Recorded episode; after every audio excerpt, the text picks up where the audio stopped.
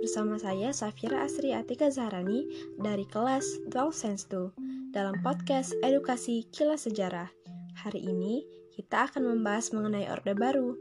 Teman-teman sudah sering dengarkan tentang kata-kata Orde Baru, tapi apa sih Orde Baru itu?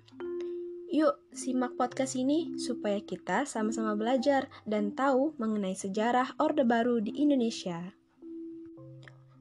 Pada tahun 1965, tepatnya pada 30 September 1965, terjadi pemberontakan besar oleh PKI di Indonesia yang menyebabkan meninggalnya 9 jenderal Indonesia. Hal ini menimbulkan rasa tidak aman bagi masyarakat Indonesia. Selain itu, keadaan ekonomi Indonesia yang terpuruk juga membawa rakyat dalam penderitaan, hingga banyak toko yang dijarah oleh massa keadaan negara kacau balau, hingga muncullah Tritura yang digagas oleh Angkatan 66. Tritura memuat tiga tuntutan utama, yaitu yang pertama, bubarkan PKI dan ormas-ormasnya. Yang kedua, pembersihan kabinet Dwi Korah dari PKI. Yang ketiga, turunkan harga bahan-bahan pokok. Menanggapi hal ini, Insinyur Soekarno yang kala itu menjabat sebagai Presiden Republik Indonesia melakukan reshuffle kabinet. Namun, tindakannya itu dinilai kurang memuaskan rakyat, hingga akhirnya Soekarno menyerahkan mandat kepresidenan kepada Letkol Soeharto, yang diserahkan melalui Surat Perintah 11 Maret atau yang kita kenal sebagai Super Semar. Akhirnya, Letkol Soeharto diangkat menjadi Presiden Republik Indonesia kedua pada tanggal 22 Februari 1967 melalui TAP MPRS nomor 15 garis miring MPRS garis miring 1966 dan sidang istimewa MPRS tanggal 7 sampai 12 Maret 1967.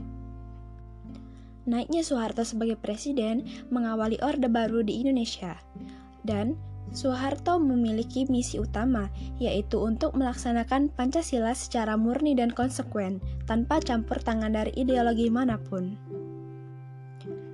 Hal ini berkesesuaian dengan tujuan dari Orde Baru itu sendiri, yaitu yang pertama adalah untuk mengoreksi penyimpangan, yang kedua adalah untuk penataan seluruh aspek kehidupan, yang ketiga adalah melaksanakan Pancasila secara murni dan juga secara konsekuen, dan yang keempat adalah untuk menyusun stabilitas nasional untuk pembangunan masyarakat. Hal yang pertama kali dilakukan Soeharto adalah dengan memberantas PKI beserta ormas-ormasnya, dan hal ini telah dijalankan dengan sangat baik pada pemerintahan Orde Baru hingga kepercayaan masyarakat kepada pemerintah kembali lagi. Kemudian, dalam menunjang visi misinya untuk pembangunan masyarakat Indonesia, maka Presiden Soeharto mengambil beberapa kebijakan-kebijakan penting bagi masyarakat Indonesia. Beberapa kebijakan yang diambil oleh Soeharto dalam masa Orde Baru antara lain yang pertama adalah Repelita atau Rencana Pembangunan 5 Tahun yang dimulai pada tahun 1969 sampai 1994 adalah kebijakan di bidang ekonomi yang merancang sistem ekonomi Indonesia dan juga rancangan-rancangan terkait ekonomi dalam jangka 5 tahun dan dalam hal ini, yang paling menonjol adalah tentang swasembada beras, sehingga Indonesia menjadi negara penghasil beras tertinggi di Asia Tenggara pada saat itu. Dan juga, Indonesia menerapkan trilogi pembangunan yang terbukti dapat membantu rakyat Indonesia keluar dari garis kemiskinan yang semula terjadi pada pemerintahan Orde Lama. Kebijakan berikutnya adalah kebijakan di bidang politik yang meliputi bubarnya PKI, fusi partai politik dari 10 menjadi 3, dan juga integrasi Timur Timur dan Irian Barat, serta Indonesia kembali lagi dalam PBB dan mendirikan ASEAN.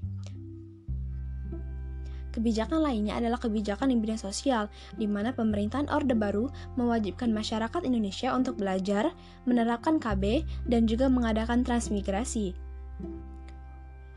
Dari sekian banyak pembangunan pada masa Orde Baru, terdapat juga beberapa kekurangan, antara lain terjadinya KKN, yang kedua adalah persaingan politik tidak seimbang, yang ketiga pemerintahan menjadi otoriter, yang keempat adalah krisis moneter, yang kelima adalah turunnya Presiden Soeharto. Presiden Soeharto turun pada tanggal 21 Mei 1998 akibat terdapat mosi tidak percaya dari mahasiswa Indonesia yang menuntut Presiden Soeharto untuk mengundurkan diri. Dan pengunduran diri Soeharto ini secara tidak langsung mengakhiri masa pemerintahan Soeharto dan juga masa rezim Orde Baru di Indonesia. Nah, bagaimana? Sudah jelaskan tentang sejarah pemerintahan Orde Baru di Indonesia? Semangat ya belajar sejarahnya, karena bangsa yang besar adalah bangsa yang tidak pernah melupakan sejarahnya. Terima kasih.